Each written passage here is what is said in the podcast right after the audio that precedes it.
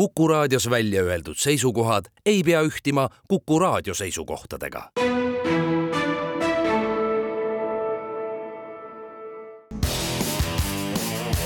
spordireporter. spordis kruvib pinget, Pahv üksteist ja seitse minutit on saanud kell, täna on kahe tuhande kahekümne kolmanda issand aasta septembrikuu üheksateistkümnes päev. tere kuulama spordireporterit järjekorranumbriga kolmsada kakskümmend kaheksa. kuulama kutsuvad teid Järve-Lott Tallinn, Susi Joosep Tartu meie saatega saab ühendust e-posti aadressil spordireporter at kuku punkt ee või Twitteris haaksõna spordireporter abil, millega on võimalik esitada küsimusi, mõtteid, tähelepanekuid, millele vastamise võtame ette saate kolmandas osas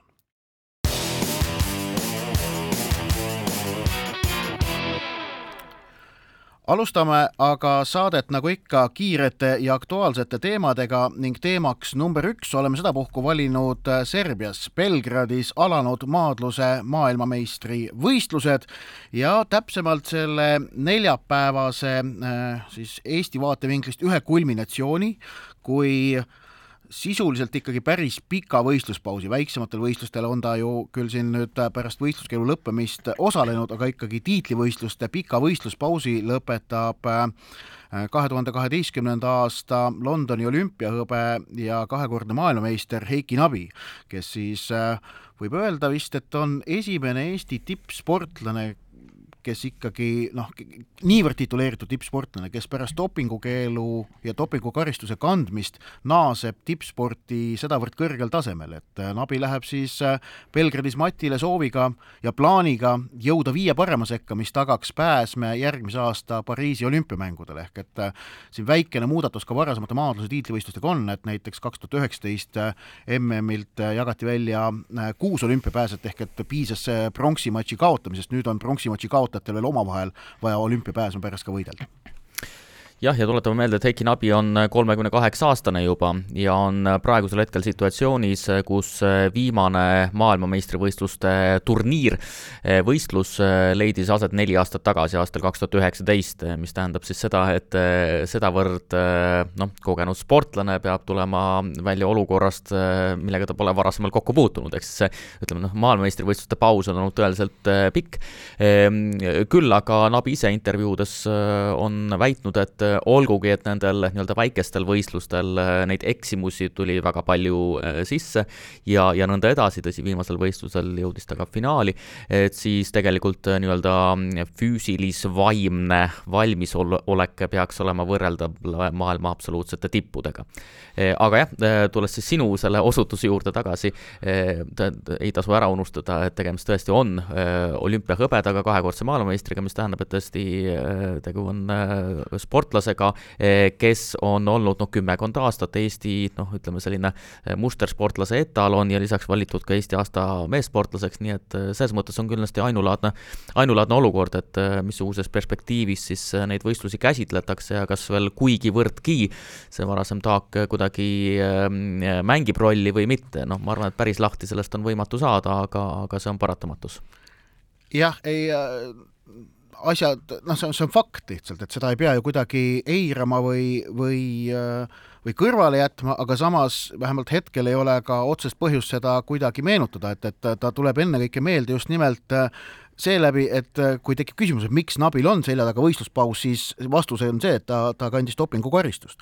aga üldiselt ma arvan, et mul on tunne, et Heiki Nabit uh, usutakse ja usaldatakse. ja, ja see lõppkokkuvõttes on asi, mida ei ole võimalik kuskil uh, kuskil niimoodi ametlikult äh, mingi noh, kirjalikult paika panna, vaid see on igaühe sisemine kompass, aga, aga ei no on küll, et, et, et kui sa tahad, siis ei, aga neid kompasse on muidugi ka erinevaid, ma arvan, et on ka neid, kes ei, kes arvavad, et, et, et, et see mäng ei olnud niivõrd puhas, nagu nagu Nabi ja tema leer on tahtnud äh, äh näidata äh,, aga, aga enamik arvavad kindlasti, et oli äh,. nii, aga minu meelest on see, et kogu see olukord on, on just nimelt huvitav Äh, väga, väga huvitav tippspordi olukord, milles Heiki Nabi nüüd on, et tõesti sellises vanuses niivõrd pika võistluspausi järel tulla tagasi konkreetse sihiga veel kord olümpiale jõuda, et see on selline, see on selline noh, ütleme mõnus äh, spordifänni jaoks selles mõttes mõnus olukord, et seal on väga palju kihte, mille sisse kaevuda, mida näha. et, et noh, iseasi on see, et jah, et palju sellest maadlusmatši nüanssidest aru on võimalik saada, et, et noh, see Kreeka-Rooma maadluse ütleme noh, nüansside tabamine on, on sageli päris keeruline ma siin räägin no, puhtalt enda vaatepingist, jah. jah, no vastus on sellele lihtne, on võimalik küll, eh, nagu öeldakse, huvi ongi süvenemise tulemus ja see, mis sa praegu esile tõid, et eh, nüanssidest eh, arusaamine või nüansside mõistmine on sel spordialal keeruline, see kehtib absoluutselt kõikide spordialade kohta. mida sügavamale lähed, seda keerulisemaks muutub. aga ma tuletaksin meelde jah, et Heiki Nabi ju maailmameistriks täiesti ootamatult ikkagi Eesti laiema spordiavalikkuse Eh, jaoks, eh, võiks ikkagi nii öelda, eh, tuli juba ju seitseteist aastat tagasi, aastal kaks tuhat kuus, nii et sellest on päris pikk aega möödas, aga no sellele vaatamata võiks siis öelda, et ikkagi see nädal on ka Eesti Pariisi olümpiamängude delegatsiooni silmas pidades päris oluline. et noh, ikkagi loodaks nabi näha Pariisi olümpiamängudel. aga, aga siin teine tasand on veel loomulikult, et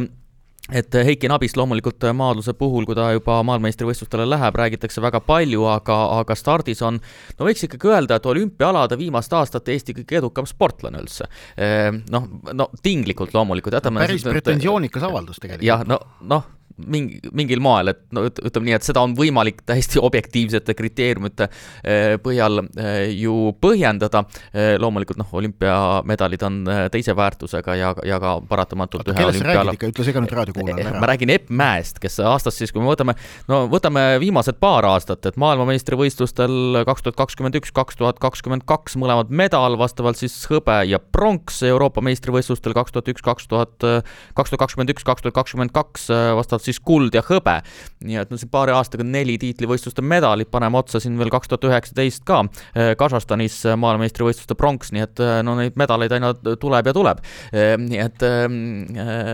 seda ei tasuks nagu kuidagi kõrvale, kõrvale jätta, jah jah, aga Epp Mäe võistlus muuseas toimub siis täna ja tegelikult algab juba üpris varsti esimeses ringis äh, mis on siis nii-öelda kvalifikatsiooniring, on Eppmäe üks kolmest maadlast, kes on sealt äh, vabastuse saanud, äh, vist, vist loosi õnnega, kui ma seda tabelit õigesti näen, aga kui nüüd midagi ootamatut ei juhtu, siis kohe kaheksandikfinaalis tuleb tal vastu Adelina Gray, äh, väga tugev ameeriklanna, ehk et kohe võistluse alguseks ilmselt on Nabil, vabandust, Mäel väga noh, mm, keeruline ja samas ka väga määrava tähtsusega matš, et noh, Gray on kuuekordne maailmameister ja Tokyo olümpiahõbe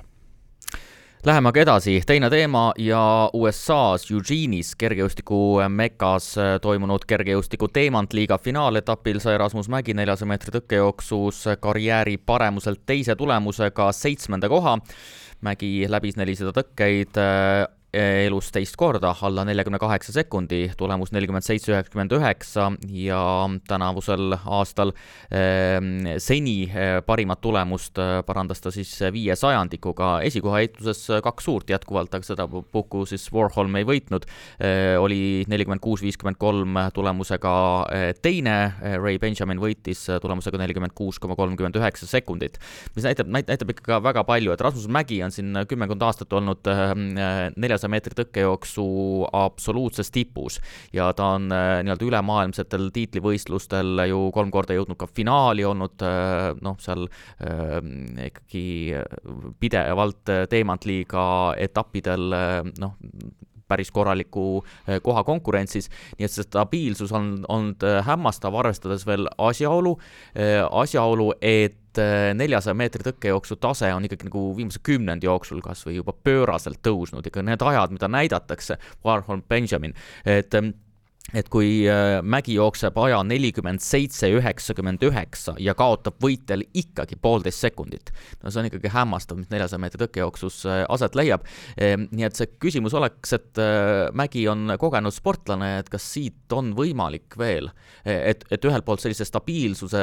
hoidmine, noh, tiitlivõistluste finaali pääsemine on juba väga kõva saavutus neljasaja meetri tõkkejooksus, aga kas siit on võimalik veel, veel, veel samm edasi astuda, jah, see, see, see on ikkagi selline peavalu valmistav äh, teoreetiline küsimus. ma arvan, et jah, peavalu ennekõike valmistav siis asjaosalistele endile, sulle ka mulle ka. ja no ma usun, nad ise Neile juur... loomulikult ja nad, nad ise juurdlevad selle üle, ma usun, päevast päeva ja ja, ja otsivad neid, seda võimalust, et aga ma, ma nagu ei usu, et Rasmus Mägi läheb koju, hakkab mõtlema, kuidas ma teen nüüd sammu edasi siit, et ma jooksin nelikümmend seitse, üheksakümmend üheksa, kuidas teha nüüd siit suur samm edasi? no Rasmus Mägi, ma loodan, et ta nüüd naudib väga edukat hooaega, mida ta väga edukat. mis, mis kahtlemata tal selja taha jäi ja ja üks asi, mida Mägi ka pärast võistlust ise märkis, ta tegi Instagrami postituse, väga lühikese postituse sõnaliselt ja ütleb, et äh, kõige cool im võistlus ütles ta selle äh, Oregonis toimunud teemantliiga finaaletapi kohta, mille siis selline ajalooline nimi tegelikult on äh, Prefontaine Classic. Äh, võistlust on ennast korraldatud juba seitsmekümne viiendast aastast alates just nimelt sealsamas Oregonis, kus mullu oli ka mm, mis mäletatavasti sai päris palju kriitikat, et miks viidi maailmameistrivõistlused noh, nii-öelda tavapärasest keskkonnast välja, tavapärane keskkond on siis äh, kergejõustiku MM-i jaoks on olnud ikkagi Euroopa, mõne erandiga on, on käidud Jaapanis või Koreas ka või, või Hiinas ähm,. aga, aga kokkuvõttes selle teemantliiga finaaletapi siis noh, maailma kõige säravamate tulemuste eest hoolitsesid äh, Etioopia jooksja Kudav Tsegai, kes püstitas naiste viie tuhande meetri distantsil maailmarekordi neliteist null null koma kakskümmend üks, aga ütleme nii, et minu arust tema maailmarekord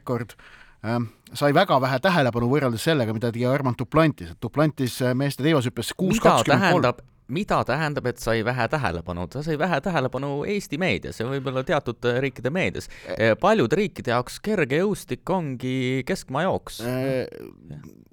ei ole täitsa nõus sinuga, vaatasin natukene, mis nagu ka rahvusvahelises meedias oli, et Duplantis oli ikkagi oluliselt suuremal, noh, suurem tegija minu meelest kui Tsegai. ja, ja olgu, et Tsegai parandas maailmarekordi vist viie sekundiga. jah, aga samas ma arvan, põhjus on väga oluline, see on see, et kuidas Duplantis seda maailmarekordit ka serveeris, et noh, see, kuidas tema seda maailmarekordit seal Oregonis tähistas, ronis, no põhimõtteliselt nagu jalgpallur, ronis selle staadioni reklaambarjääri peale, kaks kätt taeva poole, no see sellist asja on kergejõustikul tohutult vaja. ja, ja Duplantis naudib seda staariks olemist ja noh, see ikkagi selle maailmarekordse soorituse vaatamine, see on muidugi esteetiline puhas nauding, kuidas ta sellest üle ronib, sellest kuus kahekümne kolmest jah, no siin spekuleeritud on palju, et kui kõrgele ta põhimõtteliselt, potentsiaalselt äh, oleks võimeline hüppama, et noh, on, on selge, et ta parandab maailmarekordit ühe sentimeetri kaupa, aga ja kusjuures huvitav on ka see, et ta ju edestas teist kohta enam kui neljakümne sentimeetriga teivashüppes, no see on, see on ikkagi täiesti üüratu tasemevahe e,. aga no ma arvan, et siin ikkagi kümme senti veel juurde, miks mitte. aga ma korraks veel väga põgusalt tuleksin selle sinu küsimuse juurde tagasi et kergejõustik ja suusatamine ja kõik sellised alad on minu arvates äh, hea näide sellest, et äh, tiitlivõistlusi tuleks äh, pidada kohtades, kohtades, mis on noh, selle ala nii-öelda tuum või noh ühesõnaga kus seda ala mõistetakse, kus on nii-öelda selle ala kultuuri juba sisse sisse läinud, et noh, täiesti kaks erinevat nähtust on see, kui me teeme näiteks suusatamise tiitlivõistluse kuskil Aasias, kus keegi ei tea sellest murdmaasuusatamisest midagi, võrreldes sellega me teeme selle Holmenkollenis või Falunis. ja samamoodi noh, kui me vaatame, kus on aset leidnud kergejõustiku maailmameistrivõistlused, minu arust võiks liikuda selles suunas, et peamiselt äh, ikkagi sellistes kergejõustiku mekades need äh, toimuvad, aga, aga ma arvan, et see, see minu lootus on, on, on selline noh, suhteliselt utoopiline puhtalt just seetõttu, et äh, on tarvis need eri piirkondadesse viia jah, ma nüüd peast ei ütlegi, kus, ma mõnda aega tagasi teadsin, et kus kahe tuhande kahekümne viienda aasta kergejõustiku mm toimub. Tokyos, no Tokyo ikkagi kergejõustiku mõttes läheb mekana kirja. nojah, suur olümp-, olümpia. ei no tuhat üheksasada üheksakümmend üks mm legendaarne ikkagi koht, kus, kus ju mm, kaugushüppes äh, Lewis ja, ja nüüd äh, mälu Mike Powell legendaarse duelli pidasid, mälu hakkas streikima, noh. kuule, me läheme heietamise juurde, kiired aktuaalsed teemad. olid tõesti, jah, ja kolmas teema on jalgpall ja see, mis juhtus Eesti meistrivõistlustel pühapäeval, kui mängisid Nõmme Kalju ja Tallinna FC Flora, mäng jäi null-null viiki, mis tähendas, et Flora kaotas punkte ja Levadia on hetkel võrdsete punktide juures nüüd äh, Premium-liiga liider, aga selles äh, Kalju Flora kohtumises põhjustas siis äh, omajagu sellist avalikku tähelepanu olukord kaheksakümne neljandal minutil, kui Kalju lõi värava, mis videokohtuniku poolt tühistati, sellepärast et Kalju ründaja Promis David oli selles olukorras Konstantin Vassiljevile noh, käe seljaga näkku virutanud niimoodi, et Vassiljevil mokk verine. Ja, ja mingil kummalisel põhjusel mm, on, on üles tõmmatud narratiiv, justkui oleks Nõmme Kaljule tohutult liiga tehtud, nagu jalgpallis tohiks teisel inimesel käega näkku lüüa. Äh, täiesti absurdne, tegelikult alates juba sellest ülekandest, äh, kõik minu meelest väga paljud käsitlused Eesti spordimeedias äh, on rõhutanud sellele, et, et, et, et see on kuidagi väga kaheti mõistetav olukord, midagi sellist, no ei olnud, no vaadake seda olukorda nagu rahulikult ja kai-, nii-öelda kaine peaga kaine pilguga, et äh, ründaja käsi selja taga, teeb veel nõksu vastu Vassiljevi nägu, noh, lajatab näoga, käega näkku, no siin ei ole kaksi pidi mõistmist, selge viga ja, ja, ja videokohtuniku sekkumine oli selles mõttes õige. et siin, siin ähm, pole, pole minu arvates mingit küsimust, et minu arvates esiteks, esiteks ikkagi tuleks üle rõhutada kogu Eesti ähm, spordivälja puhul, et äh, või jalgpalli, ütleme selliste jälgijate puhul, et esiteks võiks selgeks teha varri reeglid ikkagi lõppkokkuvõttes, et kunas varr sekkub ja, ja, ja, ja kunas mitte. Äh, see võiks esimene asi äh, olla, jah. aga üldiselt ja, ja, ja ka sellistes situatsioonides minu arvates siin nagu vaielda on äh, ja, ja näha siin kuidagi äh, mitmeti tõlgendatavust on, on natukene liigne. aga läheme edasi ja kui me ühest Eesti suurmehest juba kõnelesime, tegelikult mitmest juba, Vassiljev ka ju, aga äh, siis liigume teise meie suurmehe äh, juurde. ei, ei, ei, ei, ei, no pretensioonikad avaldused sul täna saates, jah. jah, ehm, ja, ja teise Eesti suure sportlase juurde, kes äh, rihib pääsu Pariisi olümpiamängudele, nimelt Saudi Araabias tõstmise maailmameistrivõistlustel sai Mart Seim üliraske kaalus kümnenda koha ja praegu saan aru, et äh, kui me vaatame äh, pääsu äh, siis Pariisi olümpiamängudele, siis seis näiks olevat päris kena. veel kolm olulist eelvõistlust, Kataris maailmakarikaetapp selle aasta lõpus, veebruaris Türgis Euroopa meistrivõistlused ja aprillikuus siis võistlus Tais ja, ja nagu intervjuudes olen mina aru saanud, ma ei ole tõstmisega niivõrd palju sina peal, aga ühte sellist korralikku äh, lõpptulemust on tarvis, jah. siin on vast paslik üle rõhutada, kuivõrd karmid tegelikult on tõstmises Pariisi olümpiamängudele kvalifitseerumise kriteeriumid ja need on, need on noh, tohutult karmid, sellepärast et tõstmise olümpiakvooti on seoses spordiala lakkamatute dopinguprobleemidega vähendatud ainult saja kahekümnele sportlasele, mis tähendab, et ja need sada kakskümmend sportlast jagunevad kümne kaalu vahel ehk et viis kaalu kaalu naistele, viis kaalu meestele, igas kaalus pääseb Pariisis olümpiale kaksteist sportlast. Äh, see on noh, seda on väga-väga vähe ja, ja sellepärast on sinna ja, ja kusjuures seal on ka see, et kuna kaalusid on jäänud vähemaks, siis on toimunud ka sportlaste ilmselt koondumine erinevate võistluskaalude alla, mis omakorda noh, teravdab seda sisekonkurentsi aga mis äh, tekitab sellise lihtsalt hüpoteetilise väga, väga no selline väga noh, selline äh, loll äh, remark minu poolt, aga vaadates äh, tõstmise äh, nii-öelda tulemusi äh,, kuidas paljud eriti Aasia riikide esindajad on käitunud ja kuidas neil on proovides hiljem läinud, et kas sa kujutad ette situatsiooni, et sa näiteks saad olümpiamedali nii, et sa ei noh, tõesti äh, näiteks ei saa ühtegi raskust ülesse või kas oleks võimalik põhimõtteliselt? aa, et kõik eespoolt võetakse maha, jah ja.? okei ei vaevalt mitte, lihtsalt äh, näiteks, et kui Mart Seim äh, vaevalt võistles, võistle-, et ei, niimoodi ei ole võimalik jah ja. et kui Mart Seim võistles Rio olümp-, Rio de Janeiro olümpial kaks tuhat kuusteist ja sai seitsmenda koha, siis toona oli võistlustules kakskümmend kolm raskekaalast. Pariisi saab neid ainult kaksteist. nüüd aga paus ja, ja siis räägime võrkpallist spordireporter. spordis kruvib pinget, Pahv. Spordireporter jätkab ja nagu Ott lubas, jätkame võrkpallilainel. Ja neid võrkpalliteemasid on omajagu, alates sellest, et võrkpalli Euroopa meistrivõistlused on lõppenud eh, ja nii edasi, aga meie eh, alustame oma eh, jutupunkte hoopis kodusest jalgpallist eh, ja Võrk, väga võrk, võrkpallist. võrkpallist, jah, vabandust. Eh, ja see on see kod... mäng, vaata, kus äh, mitte ei lööda palle võrgu sisse jalaga, vaid lüüakse käega üle võrgu ja siis maha. kas tead, et ma olen isegi võrkpallitrennis käinud? jah ehm,, aga saatest tahtsin... välja küll ei kostu kuidagi tahtsin just rõhutada, et väga kodusest võrkpallist, mis meid ees ootab, sest äh, see võrkpall äh, saab olema tõesti harukordselt kodune. nimelt äh,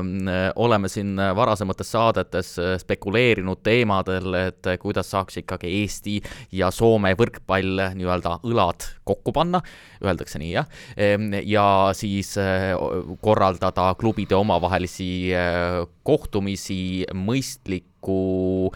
võistlusprintsiibi eh, raames, aga tuleb välja, et eh, Eesti võrkpalliklubid tänavusel aastal jäävad rahvusvaheliste mängudeta. Nojah, et, e, et Eesti-Läti liiga küll noh, tavapärasel moel ju toimib, aga, aga loodeti, et tekib võimalus mängida Soome Äh, klubidega Eesti-Soome liigat, mille nimel siis ka kõik Eesti klubid või noh, mida, mida silmas pidades Eesti klubid otsustasid äh, eurosarjadesse tänavu mitte minna, aga nüüd see Eesti-Soome liiga variant on, on ära kukkunud, nagu Postimees eelmisel nädalal kirjutas ning jah, eurosarjade mm, registreerumistähtajad on, on, on ka omadega umbes. no eurosarjade skepsise tekitas väga tugeva näiteks see, mis juhtus eelmisel hooajal Tartu Bigbanki meeskonnaga, kel kelle eurosarja vastaseks osutus Assooride klubi. Assoorid on teatavasti poolel teel Ameerikas, Portugali saarestik, kuhu tuleb Lissabonist ka veel mitu tundi lennata, kui ma nüüd õigesti tean. ja noh, ilmselgelt see oli noh, tohutult kulukas lõbu sellel võistlusmängul käimine ja, ja noh, Tartu võistkonna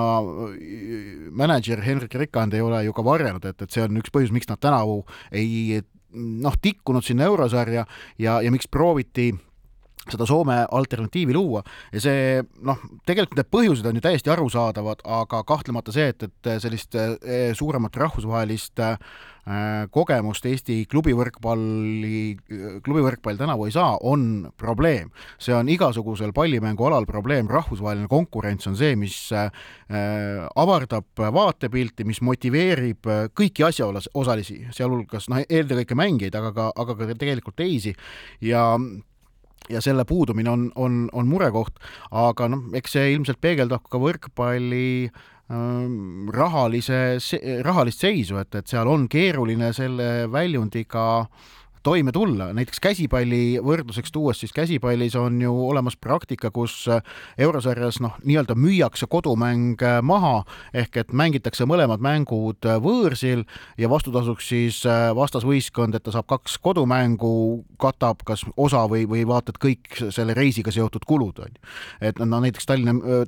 meistrivõistkond tänavu kasutas seda mudelit näiteks ja on varasematel aastatel erinevad käsipalliklubid Eestis ka seda kasutanud. aga, aga, aga jah, et noh, ja korvpall korvpallis, jalgpallis raha liigub piisavalt palju rohkem, et seal ikkagi noh, seda muret ei ole, jalgpall on omaette teema, et seal eurosarjades osalemisega teenitakse, aga korvpallis me näeme, et Eesti klubid ikkagi rahvusvahelisel tasemel mängivad üha rohkem, et Keila, Keila korvpalliklubi läheb nüüd sellesse Põhja-Euroopa liigasse näiteks veel üks täiendus ju. Senikaua, kui sa rääkisid, ma vaatasin, et kui, kui kaua läheb, et äh, lennukiga Tallinnast Assooridele jõuda, no kümne tunniga saab hakkama põhimõtteliselt, et, et no kõige hullem ei ole. kui graafikud klapivad jah, aga jah, sõltub jah, lennufirmast väga palju. aga eh, no üldiselt on ju selge, et ikkagi see, eh, millel põhineb ka tegelikult Eesti rahvuskoondise edu, on ikkagi noh, valdavalt pallimängualadel ikkagi seotud koduse meistriliiga tasemega ja kodune meistriliiga tase sõltub väga palju sellest, et kui kõrgetasemelisi kohtumisi saadakse ja kui palju neid saadakse. see on, see on, see on teatud mõttes ju elementaarne sarnane loogika. Eh, nii et rahvusvahelised kohtumised eh, on, on kindlasti väga olulised ja, ja, ja kindlasti on see ka noh, täiesti teistsugune väljakutse, seal noh, see, see loogika nendes mängudes on hoopis teistsugune, kui isegi mängida siin eh, Läti satsidega jah, aga, aga noh, et, et ja lisaks, kui see Eesti-Soome oli ära vajunud, siis tekkis lootus, et siin poolakate ja ukrainlaste abiga pannakse kokku selline nii-öelda Ida-Euroopa liiga, aga aga, aga ka see äh, plaan läks lörri, et seal viimasel hetkel vist poolakatel ei olnud see asi sobinud, ehk et et siin noh, erinevad variandid on võrkpallil praegu vetlenud vedama ja, ja see on, see on kahtlemata probleem aga läheme nüüd siis võiks öelda koondise või rahvusvahelise võrkpalli juurde. Ja alustada võiks sellest, et kui Eesti võrkpallikoondis mängis Euroopa meistrivõistluste finaalturniiril, sai ka ühe võidu siis äh, Euroopa meistrivõistlused on nüüd lõppenud ja äh, no oodatud vastasseis finaalis, võiks öelda, sest äh, finaalis oli siis eelmise EM-i finaali nii-öelda korduslahing, aga tiitlikaitse valitsev maailmameister Itaalia mängis küll Roomas väga suure publiku ees, aga mängiti maailma esinumbri Poolaga ja Poola võitis selle kohtumise võrdlemisi kindlalt, äh, kolm-null, tuli teist korda Euroopa meistriks, Poola on ka kolmekordne maailmameister, aga game'ides loovutati itaallastele kakskümmend, kakskümmend üks ja kakskümmend kolm punkti. aga mis äh, Eesti spordihuvilistele vahest äh, kõige huvitavam oli, oli seotud hoopis pronksi kohtumisega või õieti pronksi meeskonnaga. nimelt Eesti koondise pikaaegne juhendaja Gerga Kreetsu sai Sloveenia koondisega Euroopa meistrivõistluste finaalturniirilt äh, pronksmedali ja äh, pronksi kohtumises alistati Prantsusmaa otsustavas viiendas game'is viisteist, üksteist, olgu öeldud, et poolfinaalis kaotati Poolale game idega üks-kolm Sloveenia võrkpallikoondise jaoks oli tegemist neljanda medaliga viimaselt viielt EM-ilt, et see on ka nagu paslik siinkohal ära tuua, et kaks tuhat viisteist, kaks tuhat üheksateist, kaks tuhat kakskümmend üks iga kord hõbe, nüüd pronks, hämmastav äh, ja, ja fenomenaalne ikkagi noh, tippkonkurentsis püsimine väikeselt riigilt, kes on ju ka teatavasti teistel pallimängualadel igati, igati edukas olnud. Aga jah, minu meelest ka, et see Gretšu pronks nagu pälvis rohkem tähelepanu kui finaal või, või ja tekitas rohkem tundeid ja noh, see on äge, et, et Georgi Gretšu side aga... Eesti, Eestiga on ikkagi väga tugev, et tegelikult on vähe sääraseid välistreenereid, kelle kohta sama saab öelda, kes on siin tööd ja. teinud, aga jäänud niivõrd meelde ja no on ka põhjust. no Westin Hafniston on, on teine, on teine ilmselt, keda, kes ütleme samasse kategooriasse liigitub. no ilmselt natukene teatud ringkondades Arno Paibers, aga kaks tuhat neliteist kuni kaks tuhat üheksateist oli pikka aega Eesti võrkpallikoondis eesotsas ja, ja tal on näidata tulemusi, noh, seal ei ole midagi, et tema oli ikkagi äh, sel perioodil ähm, Eesti koondise juhendaja, kus Eesti oli, võiks siis öelda, et ikkagi maailmale või vähemasti Euroopa absoluutsele tipule kõige lähemal, et praegu on see vahe, vahe, vahe suurem ja noh, siin võib ju tuua ka paralleele või, või, või esitada küsimusi, et kui sul see Kreetsu roll tol hetkel oli ja, ja kas noh, on kedagi, kes suudaks samal tasemel või, või samamoodi Eesti võrkpallikoondist juhendada? no ja üks asi sest tõestanud on ta ju igal pool ennast, et ütleme, Kreetsu on selline spetsialist, keda, keda noh, maailmas hinnatakse igal pool. jah, ühe, kuidas öelda, valemi, mis Eesti meeste võrkpallikoondisel praegusest äh, kohast edasi või kõrgemale liikumiseks äh, oleks vaja teha, sõnastas tegelikult ka koondise äh, eelmine liider, äh, kapten ja praegune Võrkpalliliidu spordidirektor Gert Toobal, kes nagu ERR-ile antud intervjuus ütles suht noh, otsekoheselt, üks sidemängija peab kerkima esile ja võtma vastutuse, et see oli väga äh, väga sihikindlalt öeldud tegelikult või noh, väga, väga selgelt öeldud ja tegelikult umbes nii see ongi. nii, aga teeme vist pausi. just nii spordireporter. spordis kruvib pinget, Pahv spordireporter jätkab ning meie saate kolmas osa kuulub ikka, nagu ikka kombeks on, kuulajatelt laekunud küsimustele. Joosep Susi jätkuvalt Kuku raadio Tartu, mina Ott Järvela Tallinna stuudios ning alustame Esi küsimusega. esimene küsimus on päris pikk, ma vaatan. ikka, ikka väga jah, aga Mart on selle teele pannud ja tahab teada ja see puudutab Eesti meeste jalgpallikoondist võimalik, et olen võhiklik, aga valgustage mind palun kui vaadata ühte Euroopa jalgpalliliigade edetabelit, siis Itaalia Serie C on neljakümne neljas ja Hollandi esiliiga kuuekümne neljas, ent Eesti meistriliiga saja kolmekümnes ehk et valgusaastate võrra neist kahest mainitust tagapool. seega tekib küsimus, mille poolest on Flora parem Dordrechtist või Pescarast. nii palju, kui olen aru saanud, siis nii Rocco Robertšein kui Georgi Dunjov, Georgi Dunjov oma satsides mängivad, aga ometigi eelistatakse neile Eesti koondise mängudes Flora mängijaid, Konstantin Vassiljevit ja Martin Millerit. Miks? mille poolest on näiteks Martin Miller parem kui ülal mainitud? parandage mind, kui eksin, aga Kostja, kelle talendi suur austaja ma olen, rahvusvahelise tasandi parim enne, on silmnähtavalt läbi ja üha enam tundub, et ka kõlblik kuni läheneb saan aru, et peatreeneri otsus, aga spekuleerige, millistel kaalutlustel see praegu niimoodi on ja kui Flora tase on parem, siis miks tahavad Eesti poisid üldse sellistesse mudasatsidesse mängima minna? ja kui tegu pole mudasatsidega, aga Flora mehed on lihtsalt paremad, siis miks nemad välismaal ei mängi Shane'i ja Dunjovi asemel? küsimus on ajendatud frustratsioonist, mille koondise viimased esitused tekitasid. tuletan meelde, Eesti koondis siis pidas ja kaks EM-valikmängu jah, ja neist valikmängudest teine, kui võib-olla mõni kuulaja mäletab, siis äh, leidis aset pärast meie viimast saadet, see oli ka põhjus, miks äh, Ott Järvela eelmise saate ajal oli Brüsselis. aga tõesti, no kirjas on siis kahest viimasest kohtumisest kaks-null viis kaotust. kõigile nendele küsimustele ilmselt ei jõua vastata, sest neid küsimärke on siin juba viis-kuus tükki. aga alustame siis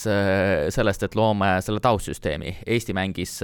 pärast pärast äh, selget null-viis allajäämist äh, Rootsile äh, võõrsil tugeva Belgiaga ja mingisugust lootust meil ei tekkinud ja tegelikult see null-viis ei peegelda päris hästi seda mängupilti, sest see tegelikult ilmselt oleks pidanud olnud võib-olla veel suurem Belgia võit, et noh, neid kindlaid, no, no peaaegu surmkindlaid väravvõimalusi oli, oli, oli Belgial veel omajagu, nii et ega millestki rõõmustavast siin rääkida ei ole. Eesti aga... suutis suuritada terve mängu jooksul ühe pealelöögi, kui Henri Anier avapoolel latti tabas, rohkem pealelööke Eesti terve mängu jooksul ei sooritanudki. ehk et no ikkagi no selge ülesõit, aga no samas, et Belgiale niimoodi alla jäädakse, see no tegelikult ei olnud väga üllatus, probleem oli pigem see kodune mäng Rootsiga, kus tõepoolest äh, noh, e-, eeldati palju adekvaatsemat vastupanu. ja ma ju juhuslikult eile nägin äh,, Ott sind äh,, kohtasin ja, ja siis sa tõid väga hea võrdluse, et äh, äh mida tegid pärast Eesti kahte kaotust meie vastasmängijad. minu arvates see on väga, väga, väga kõnekas äh,, kõnekas näide, et kui Lukaku osaleb seal Itaalia kõrgliigas seitse-null võidumängus, lööb värava, värava, mõni lööb siin Manchester City eest värava, mõni lööb Toko, ja Toko lõi Man City vii, äh, üliolulise viigivärava. Äh, Dejan Kulusevski tassis äh, Tottenhami kaks-üks võidule viimastel minutitel Premier League'is. et noh, see on, see on tõesti küll jah, tase, mida need Rootsi ja Belgia mängijad ise iganädalaselt kogevad, et see on muidugi meenutus. ja, ja noh, siin, siin aga, aga no minnes nüüd selle Mardi küsimuse juurde ka, et ma arvan, meil on ikkagi vaja nüüd rääkida konkreetselt Eesti koondise olukorrast ja noh,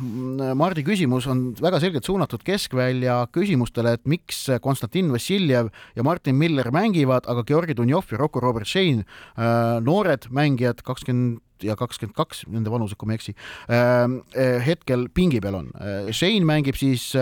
Hollandi esiliigas, Dordrechtis ja Dunjov Itaalia tugevus kolmandas liigas Serie C-s ähm, ma arvan, et, et selle küsimuse keskne punkt puudutab ikkagi Konstantin Vassiljevit ja tema praegust rolli Eesti koondises. Äh, takkajärele tarkusena Vassiljev nendes mängudes Rootsi ja Belgiaga ei oleks pidanud alustama, äh, vaid olema nii-öelda mõjuvahetusmängija, impact substitution on see, see term, mida inglise keeles kasutatakse, kes tuleb viimaseks mängu kahekümneks, kahekümne viieks minutiks, kui on veel alles midagi, mille peale mängida, kui sa ei pea tegelema sellega, et, et päästa, et see null neli suuremaks ei läheks jah, ehm, või siis ikkagi noh, sõltuvalt vastasest, et äh, kui me teame näiteks vastane on umb, umbkaitses näiteks, et meil on tõesti vaja, ehm, vaja sellist Vassiljevi kuju sinna sisse, et, et, et võib ka olla. ei aga... no ka järgmine mäng, mis tuleb kodus Aserbaidžaaniga, seal jällegi on Vassiljevi alustamine loogiline, sellepärast et seal tema loovusel on ikkagi oluliselt suurem äh, võimalus maksusele pääseda kui äh, Rootsi ja Belgia mängijate vastu, sest noh, Aserbaidžaani vastu juunis nägime, et Eesti suudab mängida täitsa kenasti, et seal on Aserbaidžaani kõrgliiga mängijad. meil läheb siin küsimuse tõlgendamiseks, aga minu, mina saan Mardi küsimusest aru laias laastus, kui me kokku võtta selle tuum, et on küsimus ei ole ainult Vassiljevis, vaid küsimuses on üldises printsiibis, et kas äh, Eestis kiputakse koduliiga mängijate sportlikku kvaliteeti hindama liiga kõrgelt võrreldes nende mängijatega, kes mängivad kusagil noh, siis äh, meie jaoks äh, noh, keeruliselt arusaadava tasemega liigades, näiteks Serie C on ju, mis tegelikult on äh, võib-olla paiguti väga kõrge tasemega, aga sinna võib sekka, sekka juhtuda ka ütleme, selliseid õnnetusi, jah. et ma arvan, et selle küsimus ongi, ongi väga lihtsalt selles, et peatreener ja, ja üldse treenerite seltskond on tegelikult ju kursis selle täpsema kvaliteediga, mida üks mängija ühes või teises liigas näitab, nii et ma arvan, et siin väga palju et nende liigade mingisugune formaalne võrdlemine meile väga palju juurde, juurde ei anna. sellega must... nõus, aga, aga Vassiljevile äh, noh, ütleme see, see, see seni Toomas Häberli on äh, iga kord, kui Vassiljev on olnud terve, ta ka põhikoosseisu pannud eranditeta. Vassiljev on mänge vahele jätnud ainult vigastuse tõttu või Argentiina vastu tuli ta vahetuses sisse põhjusel, et teda oli vaja natukene hoida järgmiseks mänguks, kuna punktide peale mäng oli tulemas. aga, aga see on mul... Häberli, Häberli äh, printsiip, et mängivad alati temi, tema silmis kõige kõrgema tasemega mängijad ja, ja. see on äh, tema printsiip, ehk siis kui näiteks äh, Eesti koondisele näiteks tulevikus silmas pidades oleks tõesti, tõesti tulusam, tõhusam, et Shane ja Dunjov alustaksid või mängiksid, saaksid rohkem mänguminuteid, siis mängivad koondises need, kes on kõige kõrgema tasemega, lihtsalt praegusel hetkel Herbert nii näeb, et Vassiljevi äh, kasutegur, kvaliteet äh, on ähm, noh, äh, kõrgema tasemega, kui on näiteks Shane'il ja Dunjovil. no oleme ausad, Vassiljevil nii mäng Rootsiga eriti, aga ka noh, mäng Rootsiga läks Vassiljevil totaalselt aia taha ja noh, Belgia vastu ei saanud ei tema ega peaaegu ükski teine Eesti mängija korralikult üldse mängida, sest et palli peaaegu ei omatudki jah, aga me peame edasi liikuma, sel teemal me võime siin ilmselt lõputult äh, arutada. Arti on esitanud küsimuse, miks ei suuda praegune Vuelta pälvida sama palju tähelepanu kui tänavune Tour de France, kuigi Rein Taaramäe sõitis samuti kaasa. kas tõesti Netflix, millest Järvela varem mitu korda rääkinud ning täiesti seosusetult küsin ka seda, et on sõudjate olümpiarong läinud? Kaks kiirküsimust, jah äh ma, kusjuures ma arvan, et sellel Netflixi Tour de France'i seriaalil oli päris ikka väga oluline roll selles, et tänavune Tour de France oli nii äge. tõsi, seal, seal toimis ka see, see, kuidas öelda, noh,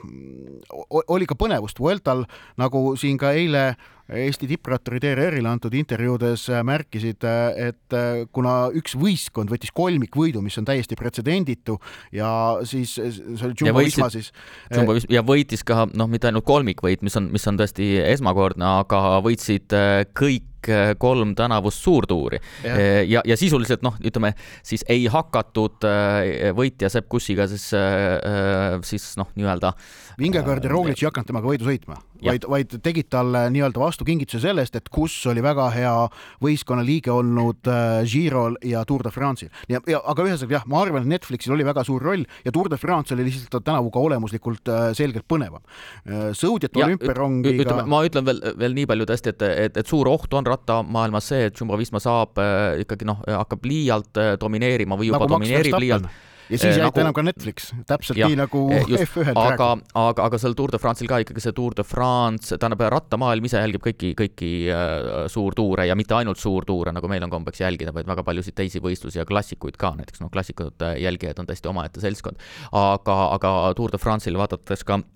osalejad, siis tegelikult ikkagi üldiselt no eh, eh, suurem osa eh, maailma tippudest või kõige vähem nii-öelda täiesti tipptegijatest eemale jääjad on just igalt Prantsusmaa velotuuril, nii et seda ikka peetakse neist kõige nii-öelda traditsiooniliselt kõige, kõige kõvemaks tuuriks. aga nüüd see seosetu küsimus ka sõudjate olümpiarongi kohta, kuna äh, olümpiapääset MM-ilt ei saadud, sest jäädi kaheksandaks, mitte ei tuldud seitsme parema sekka, nagu oleks vaja siis ähm, on nüüd äh, järgmise aasta kevadel viimane võimalus, kaks olümpiapääset jagatakse veel seal lisaregatil välja,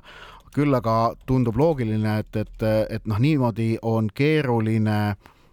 olümpial